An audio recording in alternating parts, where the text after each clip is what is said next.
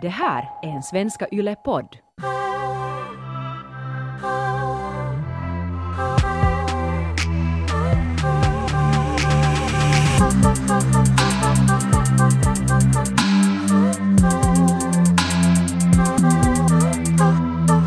Jag lyssnade på en sån där um, musikdokumentär om Lana Del Rey. Det är lite som en podd men där berättar de bara om, om hennes liv och hennes karriär. Och hon har då gett som tips till sina fans att man ska ta reda på vad man tycker om. Vem inspirerar en? Vem lever sånt artistliv då som man själv inspireras av? Och sen ska man ta reda på att hur den här människan har kommit till den punkten. Så här, hur den har levt, hur den har studerat, hur den har jobbat. Och sen ska man bara göra efter.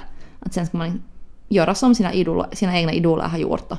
Så blir man den här fantastiska konstnären man Okej. själv vill bli. Ja, alltså. Men det, men det känns ändå så här, liksom mycket svårare än vad det låter. ja, alltså det är ju inte lätt. Jag minns någon gång när jag var lite yngre, och, men Instagram hade den, det här ett par år sedan, fem år sedan kanske? Ja. Det här kan jag ta bort, allting är fem år sedan. Sådär. um, jag har insett med Taika att alltid när vi talar om saker som har hänt så tydligen har allt hänt för fem år sedan. ja, Men allt hände för fem år sedan. någon sån här jävla paradigmskifte fem år sedan. Men jag alltså, då brukar alltid gå om jag kände mig eller om jag kände mig osäker eller hade ångest eller bara var så här, varför är jag på den här planeten? Så får jag på Instagram och så får jag kolla på Chloe Sevigny eller Alexa Chung. Och sen hur de levde sitt liv eller hurdana bilder de satt eller vad de skrev. Så då var jag sådär okej att, att jag orkar nog den här dagen att jag ska... Det här är mina ledstjärnor. Ja. Men- Att de liksom, du söker till dem efter inspiration och, eller vad de gör. Ja, på något sätt. Ja. De båda gjorde någonting som ändå var annorlunda till mängden. Att de var inte sådär the basic influencer med smoothiebowlerna. Så, så Har du fick jag- mm, förlåt. Nej, jag bara? Nej, jag tänkte att har du, har du studerat dem just noggrannare? Jag har. Mm. Jag, jag, Eller har du så typ du kollat intervjuer och läst Wikipedia och deras barndom och... ja. ja. Eller det, det kanske var mer ytligt då. uh, att jag googlade om stil. Jag tänkte sådär att okej, att om jag postar ri, ri, lika roliga captions under mina instabilder och, och har lika coola outfits men ändå lite så awkward. Rolig, Just snygg och awkward. Det var liksom det vad jag ville vara. Så det var mest för din, var det mest för din Instagram liksom inspiration? För jag känner också att man har vissa inspira, inspirationer för just kanske Instagram eller något sånt och sen kan man ha helt andra för sådär livet in general eller, eller så karriär. Att man kan liksom, man har lite så olika människor man tittar till. Ja, och sådär Instagram vs real life. Vem är man på riktigt och vem vill man vara online? Men jag kanske... Det är en, en fråga i sig. Det är kanske lite pinsamt att medge för att it-girl är ett så på något sätt nollbegrepp just nu eller har kanske varit det en stund att vad är en it-girl så men, men ehm, då när jag fanitta, då för fem år sedan, när jag fanitta Chloe Sevigny och Alexa Chung så hårt så de kallades för it- it-girls överallt så var jag lite kanske där att okej att jag vill jag höll på då lite kanske, jag har hört jättemycket så här att jag vill bli en it-girl. Att kanske det att man är lite annorlunda eller lite konstig är just bra. Du behöver inte vara den där populäraste, snyggaste tjejen, men du får ändå hänga med dem. Att du kan vara den där som awkward it-girlen. Just det, ja det är helt okej att vara lite liksom weird då. Om man ändå är jättepopulär. Men det är där som jag har problem för att jag känner mig som en sån lusso. Alltså legit loser. Att jag, jag, jag tycker inte, jag är inte sån som drar till mig massa människor känner jag. För jag är ändå lite weird. Och jag är inte så snygg ändå tycker jag. Jag är inte så supermodell. Tre meter lång och liksom så här fyra meter långa ögonfransar. Du borde slå dig i huvudet, jag har hört att det hjälper. Plötsligt blir man jättesnygg. Ja, sant ja. Borde ringa till Amy Schumer om den saken. Men, men jag tror också att, att just det här med min, när jag fann inte, eller ville bli, jag, jag ville ju bli dem, jag ville ha deras liv, jag ville, ville bli Chloe Sevigny, jag ville bli Alexa Chung. Så handlar det också om det att, jag hade ingen aning om vad jag var. Och att vara en it-girl lät sådär skönt abstrakt. Att så länge jag inte visste vad jag var och mitt enda mål på något sätt var att vara någon så här rolig men snygg it-girl så var allting ändå så här, liksom, jätteabstrakt. Och jag kunde egentligen bli vad som helst. Ja, men det är lite sådär som att om jag är populär så blir allt bra. Men kanske det var det jag ville. Jag Ja. ville att alla skulle vilja ha mig. Det Att jag vill skulle, ju alla bli Ja. populära. I, så här, I hemlighet vill alla ju vara populära. kanske det var min, min karriärsplan ännu fem år sedan då, att, att jag skulle bli populär. Att all- Jag ville bara bli omtyckt. Det var egentligen det enda jag ville när jag inte visste något annat. Ja. Men jag tror att när jag fyllde 28 för eh, två år sedan typ, så då hade jag en sån här fas av positivitet. Eller jag hade varit jättedeprimerad innan det och sen plötsligt när jag fyllde 28 hade jag börjat terapi och var sådär... Nå, jag tror att då insåg jag att, att jag ville bli någon slags konstnär. Eller då började, då, då började jag göra igen det här som Lana Del Rey tipsar om till sina fans, att hur man ska bli en artist. Att jag började söka och undersöka de typerna som intresserar mig. Konstnärer som lever ett liv som intresserar mig. Och då läste jag en massa intervjuer. F.K. Twigs, Sadie Smith, Little Jinder, Lykke Li, Mm. Sofia Coppola. En massa. Men de, det här är också en, en stor grupp av olika människor. Ja, de är, ja, de är alla ganska olika känner jag. Så jag hade nog ingen aning om vem vad jag var eller vad jag skulle ännu göra. Men, men jag sådär studera. Jag, hade min egna skola liksom. Jag varje dag bara studera alla de här intressanta kvinnorna. Har Ja. du haft sådana stjärnor som, eller stjärnor men, men eh, konstnärer som du har verkligen sådär studerat? No, alltså, eh, den jag har studerat mest av allt så har jag ju valt en ganska, ganska sån där unreasonable men alltså Beyoncé kan jag ungefär allt om hennes liv. Och det är sådär, jag har legit studerat henne. Alltså hon har varit min den där, min artist som jag försökt imitera. Men Beyoncé är liksom en fucking maskin. Och hon har ju grindat sen hon var, vet du, sen hon var ett barn. Och bara jobba, jobba, jobba, jobba, jobba. Det är liksom ungefär samma som Michael Jackson, att hon har ju faktiskt på en extrem nivå dedikerar hela sitt liv till det. Och det har gjort henne till en sån här artistmaskin. Plus att hon är helt extremt vacker och snygg och perfekt på alla sätt och vis. Så det känns helt orealistiskt. För att sen börjar jag ibland tänka sådär att okej att okay, Beyoncé gjorde så här, så här, så här och hon liksom är helt, vet du, hon, hon är, var i studion hela natten men jag måste nu få hem för att jag är trött och jag är liksom, jag kan inte ge någonting mera. Och sen känner jag mig lite skit för att jag får hem från studion och jag är inte i studion till fem på morgonen. Och sådana grejer att det är ju Men har du känt att din arbetsmoral inte är tillräckligt... Eller, eller att du inte jobbar tillräckligt mycket för att bli en stjärna? Ja, alltså ja. Jag, jag, jag, jag känner att jag borde vara en sån här helt obsessiv... Någon sån här vet du att man typ inte äter, dricker, skiter, pissar ungefär. Att det är liksom det som hon gör på riktigt när hon gör något. Jag har sagt det här säkert 30 gånger i den här podden men jag säger det en gång till. Men alltså Beyoncé när hon eh, jobbar eller vet du till exempel planerar någon tour eller någonting, de är där på den där arenan vet du och gör soundcheck och allting. Så hon säger att hon, hon, alltså hon äter inte, hon dricker inte, hon går inte på vässan liksom tills jobbet är gjort ungefär. Så det är ju helt sinnessjukt redan till att börja med. Alltså där kan jag inte hålla på. Förlåt att jag jämför det här igen med att vara scout. Så jag lärde mig i scouterna en sak och det är kanske faktiskt den enda saken jag ännu också så här kan. Jag kan inte någon knopar eller hur man sätter på en tranja eller så här, Tranga. hur man rör sig i en skog. I don't know really. No karta upp och ner. Jag, alltså jag har ingen aning. Men jag minns en grej och det var pissa när, alltid när du kan. Mm. Och liksom, det är i mitt liv på riktigt. Det är en ledstjärna. Jag tänker på det när jag åker spårvagn till Ja. Kallio. Jag tänker på det när jag är utomlands. Jag tänker på det när jag jobbar. Att det är så här, okej, känner du ens lite att du måste pissa så då, då ska du liksom jag tycker liksom att varför får man inte pissa? Att liksom, om det här Beyoncé-grejen, om jag ska imitera henne, så jag får inte äta, jag får inte pissa, jag får inte skita, jag får inte dricka. Så att vad är det nu för liv sen? Att nu vill jag ju liksom... Vet du, det känns jättekonstigt. Då, då tänker jag också sådär att då är hon inne i en sån, sån här sån sug av fokus som är helt galet. Och där vet jag redan att jag förlorar ju redan där. För att jag är jättedisträ och jag är nog fokuserad. Jag, jag är jätteambitiös och jag jobbar hårt och jag är liksom nog i stunden. Men sen alltid ibland så vet du, måste jag gå och göra andra saker och, vet du, och sen komma tillbaka till det där fokuset. Men jag är inte sådär vet du, 78 timmar i ett streck liksom kan jag vara. Jag kan just och just vara två timmar och fokusera på en grej. Sen måste jag ta en paus, kanske googla någonting random. Sådär. Alltså, jag, kan typ 20 minuter koncentrera mig på någonting och sen måste jag googla Ja, någonting. alltså, och, sen, och sen kommer man tillbaks till det. Men där förlorar jag ju redan det att när jag vet att Beyoncé är en sån här fucking maskin så känner jag ju mig lite dålig. Att jag är, jag är en maskin på ett annat sätt. Så då har jag måste inse att på något vis, okej jag kan imitera vissa grejer och jag kan, jag kan se upp till hennes ambition och det att hon äh, inte tar någon skit och hon är en baus. Nej, men du, måste, du måste hitta nya idoler. men jag kan, tycker du? Ja, alltså Beyoncé är nog inte, jag tycker inte att hon, hon är nog in, hon är inte en hälsosam idol. Att hon är en kapitalist, she wants that money, allt det handlar om pengar. Alltså du måste nog på riktigt hitta andra förebilder för att hon, hon, hon är för mycket. Ja. hon är, eller no, vilken kvinna är inte för mycket men hon är för perfekt. Alltså jag vet för jag, liksom, det, det är lite sådär som, som att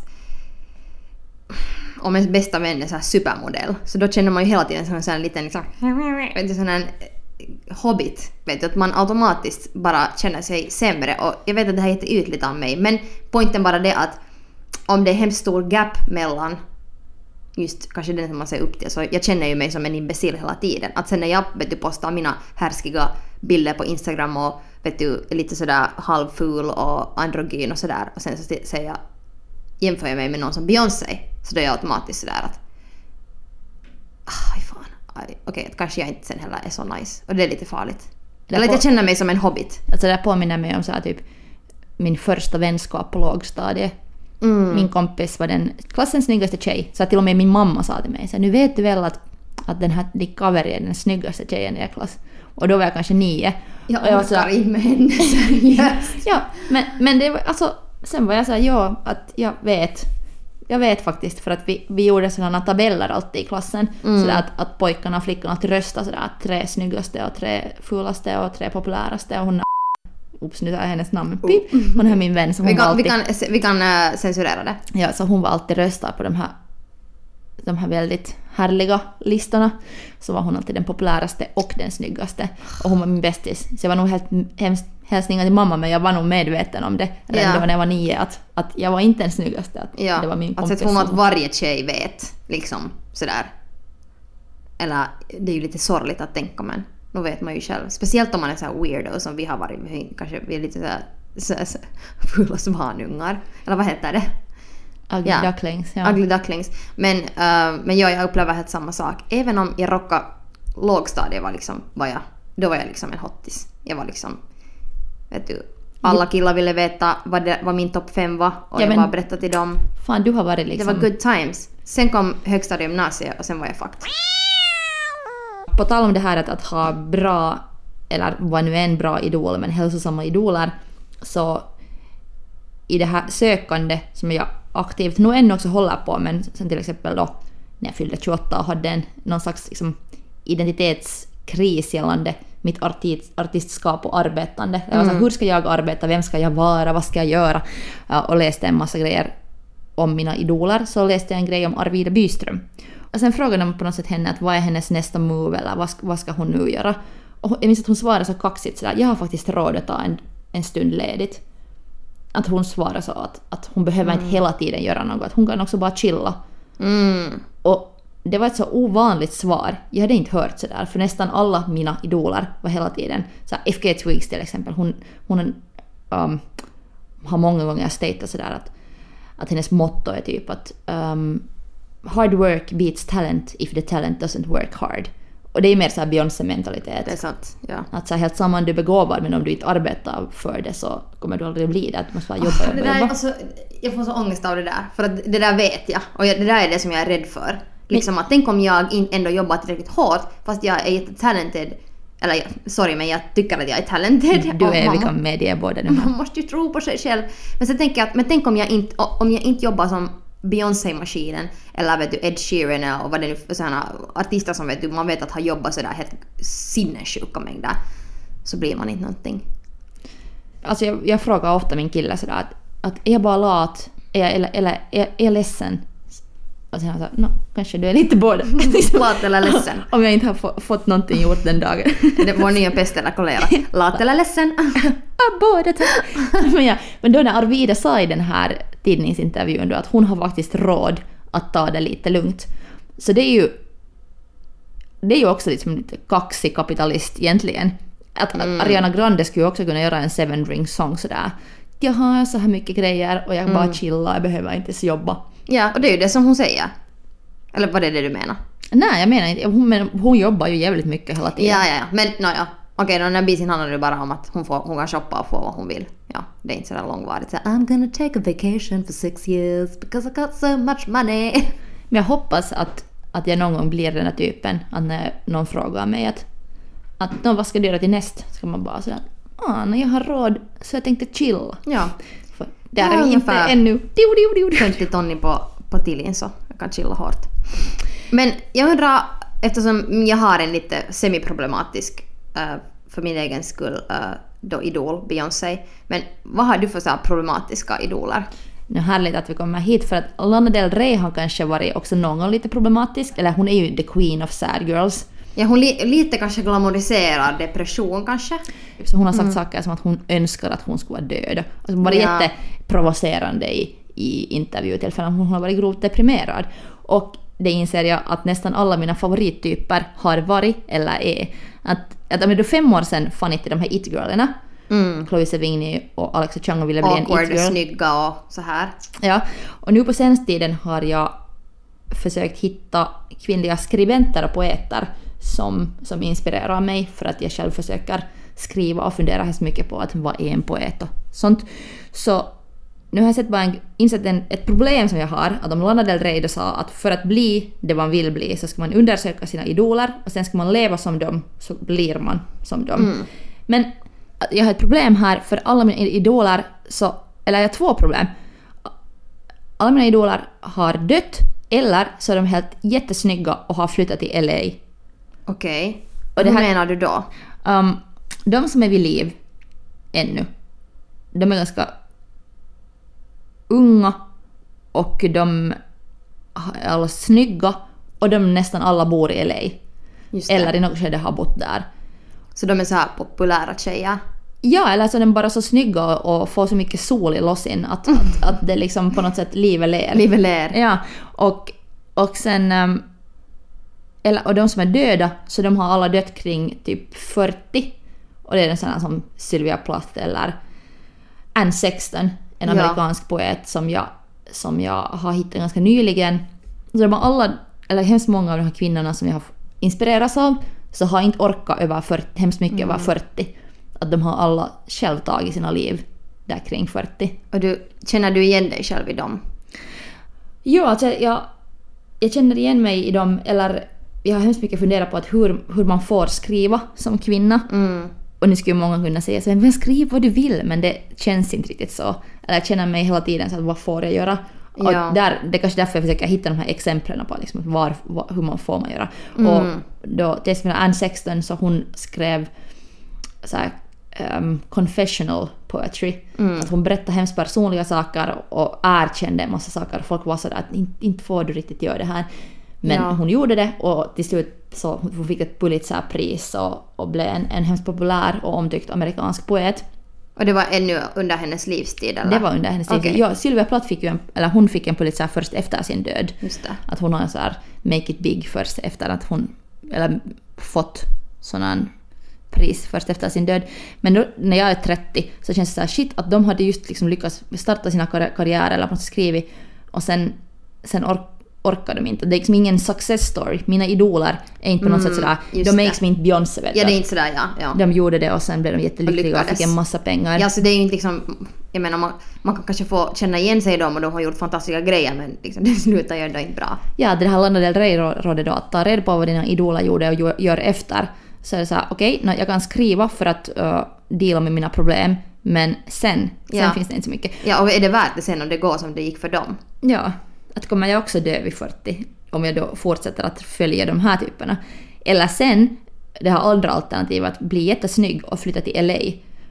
För att i LA bor typ alla de idolerna som ännu är i liv och skapar där. Men egentligen nu, alltså alltså mina idoler som är snygga och bor i LA, så det är typ såna som Melissa Broder, hon är amerikansk skribent, poet och eh, blev mest känd för att hon hade ett Twitterkonto, först anonymt, nu vet alla nu för tiden att det är hon, men som heter So Sad Today. Och därifrån skrev hon en bok.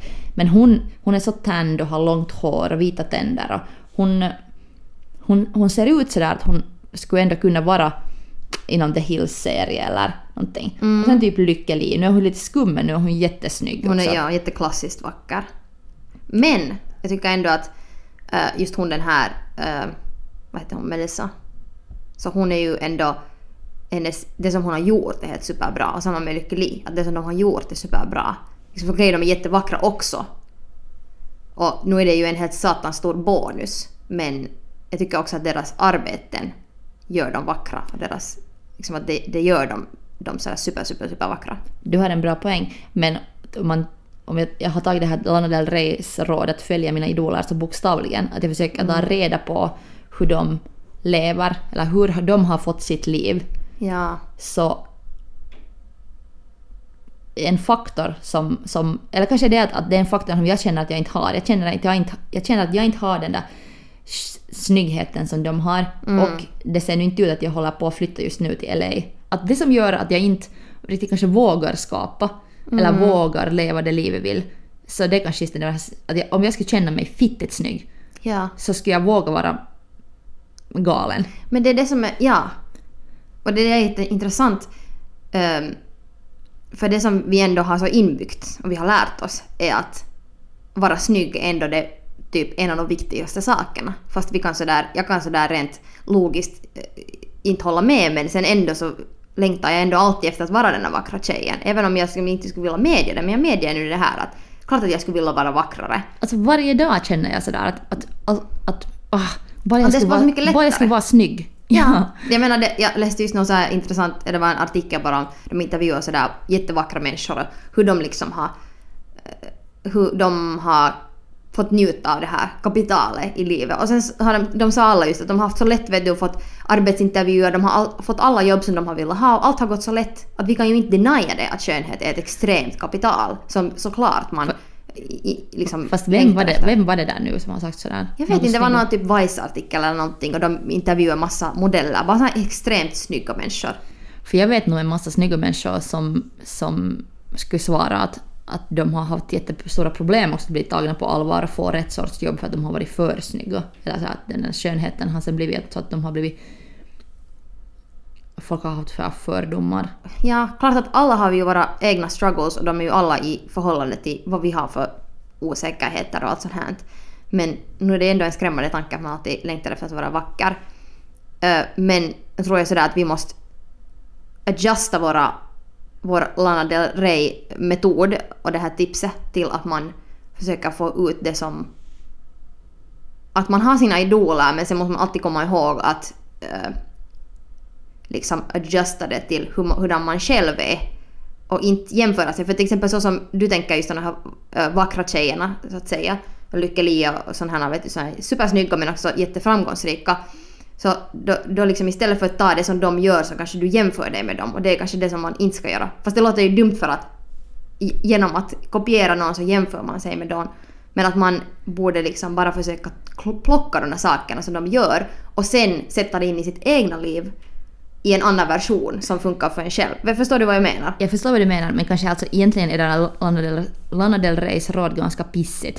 det- för att, alltså för det- att Lana Del, Lana Del, för det första, Lana Del Rey är själv skitsnygg. Hon, hon jobbar ju också som modell, eller hon, hon får mycket saker genom sitt skönhetskapital. Att tänk nu, sådana saker som hon har sagt, till exempel det där att hon har sagt i någon intervju för länge sedan nu, men att hon har sagt att, att jag önskar att jag skulle vara död. Vilket nog ledde till, till en massa så backlash på internet, men, men ändå att hon har sagt en sån här grej i en intervju. Tänk om någon Lena Dunham, som inte har det där samma skönhetskapitalet att spela med, om hon skulle säga i en intervju så "Åh, att, ja, att jag hoppas, bara så här nonchalant, så att, ja, att jag hoppas att jag vara död. Att det, liksom, det är ett annat sätt. Ja. Att, jag tror också att, att när Lana Del Rey sjunger ju också om depression och, och galenskap och så, men att för att hon är så snygg så blir det sådär, det blir just sådär attraktivt. Att hon får vara så galen och så deprimerad för att hon är så snygg. Den delen, det delar i Lanas råd att kopiera dina, Ja. dina idolers liv. Ja. Så det kanske just är just det de- som man inte ska göra. För det första, då kopierar du också en annan människas misstag. Eller, och du lär Mm. ju dig. Jag tror att man lär sig ju inte av någon annans misstag, man lär sig bara av sina egna Det är sant. Mm. Att, att, att där är det fel, att försöka Preach! kopiera någon annans liv. Men jag tror att jag har gjort det jättelänge. Att redan då när jag för fem år sedan fann till Chloe Sevigny, Alexa Chung, så jag försökte totalt bara kopiera deras stil, deras Instagram captions. Sen några år sedan när jag så, så här, shoppade jag idéer av andra. Och det är kanske lite det nu jag också gör. Fast nu inspireras av, jag av hela karriärer och så här, böcker. Och känner att det är mer just att suger, suger in mig någonting, att jag kopierar inte mera. Men jag kan inte, jag kan inte sära på att vad är att suga in och vad är att bli det. Att, att helt... Jag Men vet det, kanske man, det, det kan man först skilja på sen när man... De, den där när man har dammsugit upp allt det där och sen när man börjar spy ut det i någon form eller leva enligt det. Så sen, sen börjar man ju göra sina egna misstag och sina egna grejer. Att Det är väl kanske det som man måste göra. Men det är jättesmart som du sa att, att man kan inte göra någon annans misstag, man kan bara göra sina egna. Och det är en helt superviktig grej. Att det måste man komma ihåg att du, du kan inte liksom fuska på det viset. Eller sen just att du, du tänker att, så som jag också har tänkt att nå, de bästa konstnärerna och mest intressanta um, artisterna har också varit helt jätte heartbroken och jätte fucked up och liksom att kanske jag då måste alltid vara heartbroken och kanske jag måste alltid vara fucked up. Och alltid kommer ju man att vara det uh, stundvis men jag behöver inte må skit hela mitt liv heller. Alltså när jag tänker på det här Lana Del Reys råd Ja. uh, om att, Um, om att liksom kopiera då andras liv och sådär så det reflekterar ju jättestarkt sen ens egna osäkerheter. Som till exempel med Beyoncé.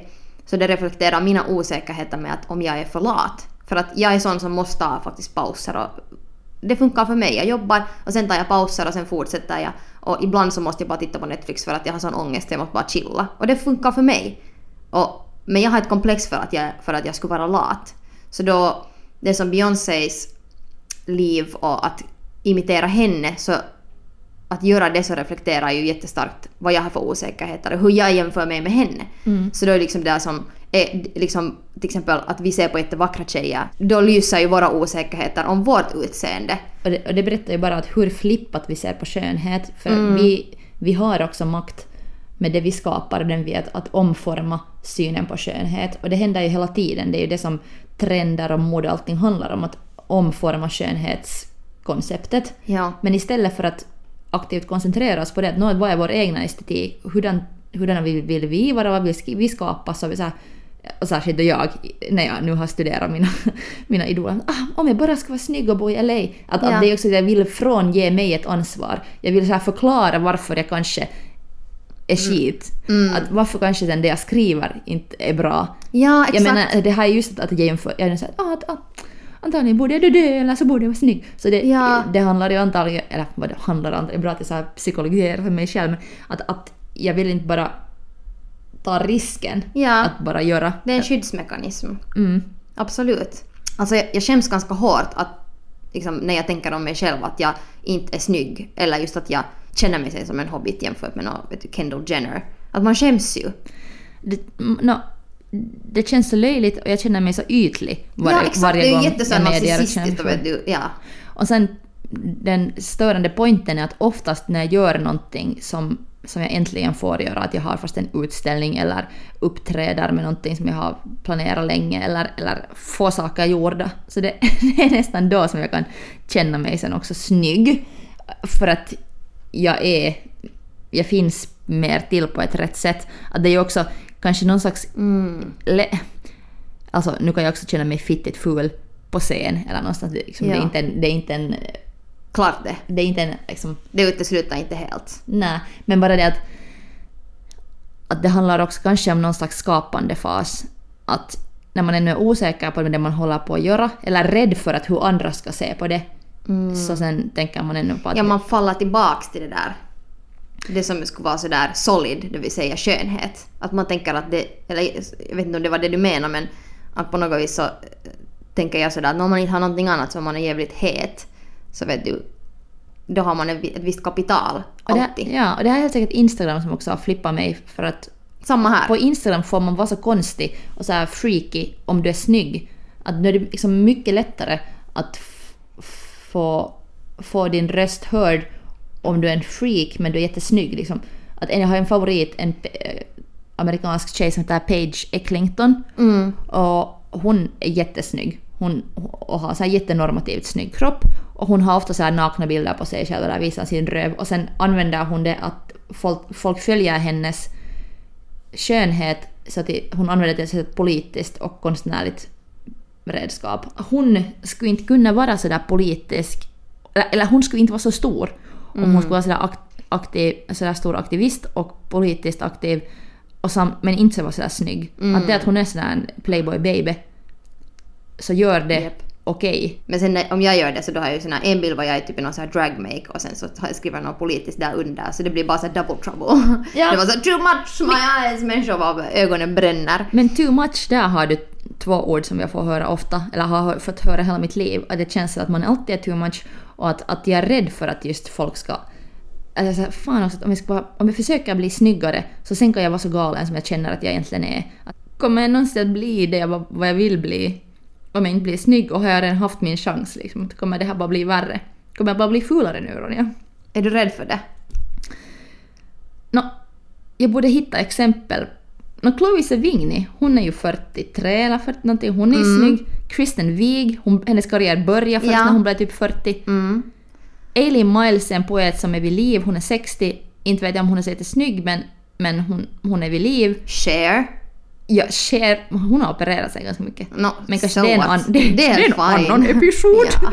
Men det där är ju en illusion att din skönhet försvinner. Men Det börjar vara så satans gammalmodigt. Jag orkar inte höra det där mera. jag vet att, att jag borde egentligen bara hålla käft nu för att, att jag blir så störd på när andra människor, andra kvinnor omkring kring mig säger att jag är så gammal, jag är som Ja, jag, ja, jag blir också jätteirriterad på det. Så här, people, så här, någon 32-åring, jag är så gammal. Åh, sluta! Men så många gör det runt om mig att Mm. det hade påverkat min, den här, min framtidsvision om mitt, mitt yrke. Och jag minns när Chloe Sevigny fyllde, förlåt att jag, talar om henne hela tiden, still Mm. still obsessed. äh, men hon postade en bild på sin, sig själv bakifrån naken när hon fyllde 40. Och sen den enda kommentaren som, som så ploppade upp där, den hade väl så många några likes eller någonting, så var det någon så här dude, en ganska ung dude, så hade kommenterat att, att oj jag vill inte se en gammal kvinnas röv. Mm.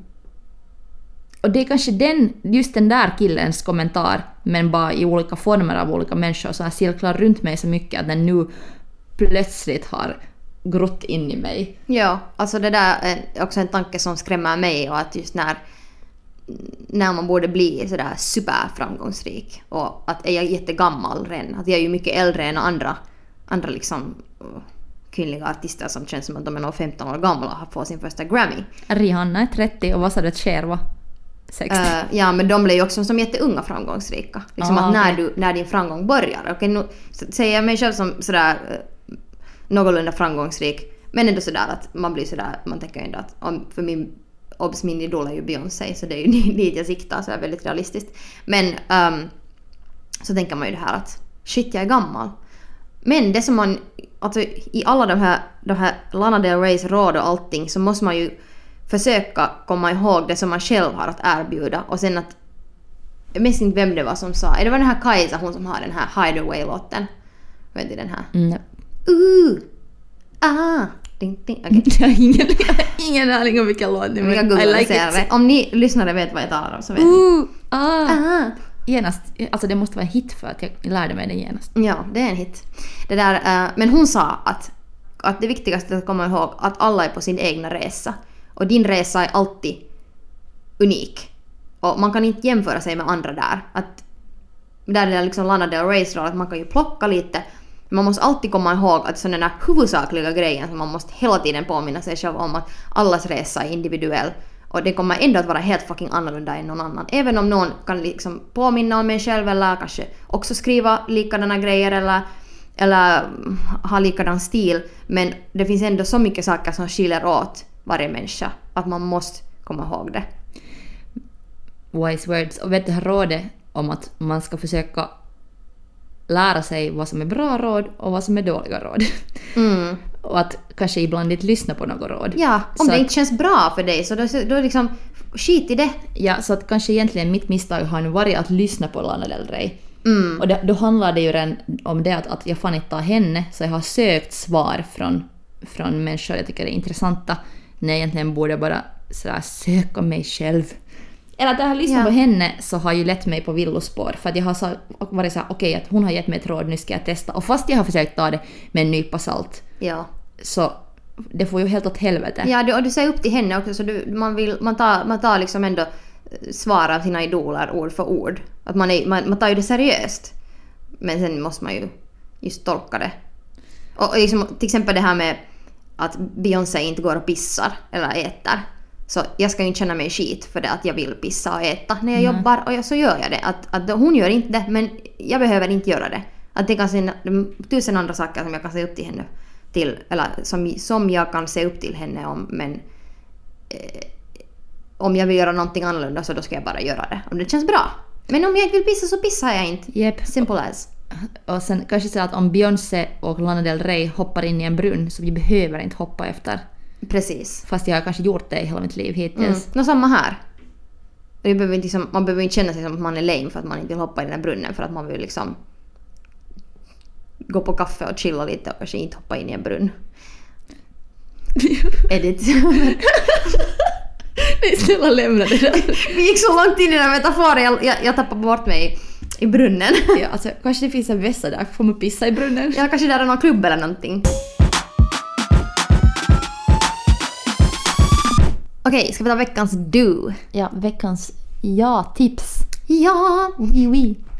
Min do skulle vara att gå och kolla på Spider-Man Into the Spider-Verse. Alltså det är en ny Spider-Man-film som har nyligen kommit. Men den är, den är liksom ritad och animerad på ett jättesant nice sätt. Det är liksom inte sådär helt animerat utan det är lite mer som det skulle vara just ritat. Det är en jätteintressant stil eh, visuellt och den är jättebra gjord. Plus att den är också um, där är andra karaktärer än bara den här liksom kill Spidermanen som vi känner som en sån här vit Men du har kille. talat om det här. Ja, Men... Så vad, det var då det, det finns många Spidermans? ja. Det finns olika dimensioner och den här huvud, liksom killen som i princip måste ta över Spidermans uppgift så han är då en, afroamerikansk kille, ung kille. Och sen så alla andra Spidermans där också. Där är en tjej Spiderman och, och den var jätterolig också. Så jag rekommenderar att gå och kolla på den. Ja, låter bra. Jag tipsar om eh, två kvinnliga poeter. Mm. En död, en levande, så får vi sådär best of both worlds. Anne Sexton. got the best of both worlds. Anne Sexton som jag nämnde tidigare här, som jag har hittat faktiskt helt nyligen. Jag har på något sätt inte hört om henne innan. Hon började skriva när hon var 28 för att inte bli galen. Eller hon hade blivit en galen och sen sa hennes terapeut att hej för att på något sätt hållas vid liv och få, få saker att fungera så skriv. Och sen plötsligt så skrev hon så vackert att hon blev en poet. Hon begick det självmord någon gång när hon, hon var nästan 50. Men att hon hann, hann få ett Pulitzerpris och han skriva en massa. Och hennes dikt, dikter resonerar ännu. Andra poeten som jag tipsar om är vid liv och heter Aileen Miles, en 60-årig queer-ikon, rockstar-poet kallas hon ofta. Vitsi vad bra, jag ska också gå och kolla. Tusen tack Taika. Tack Ronja! Och kom ihåg att go fuck yourself! yourself!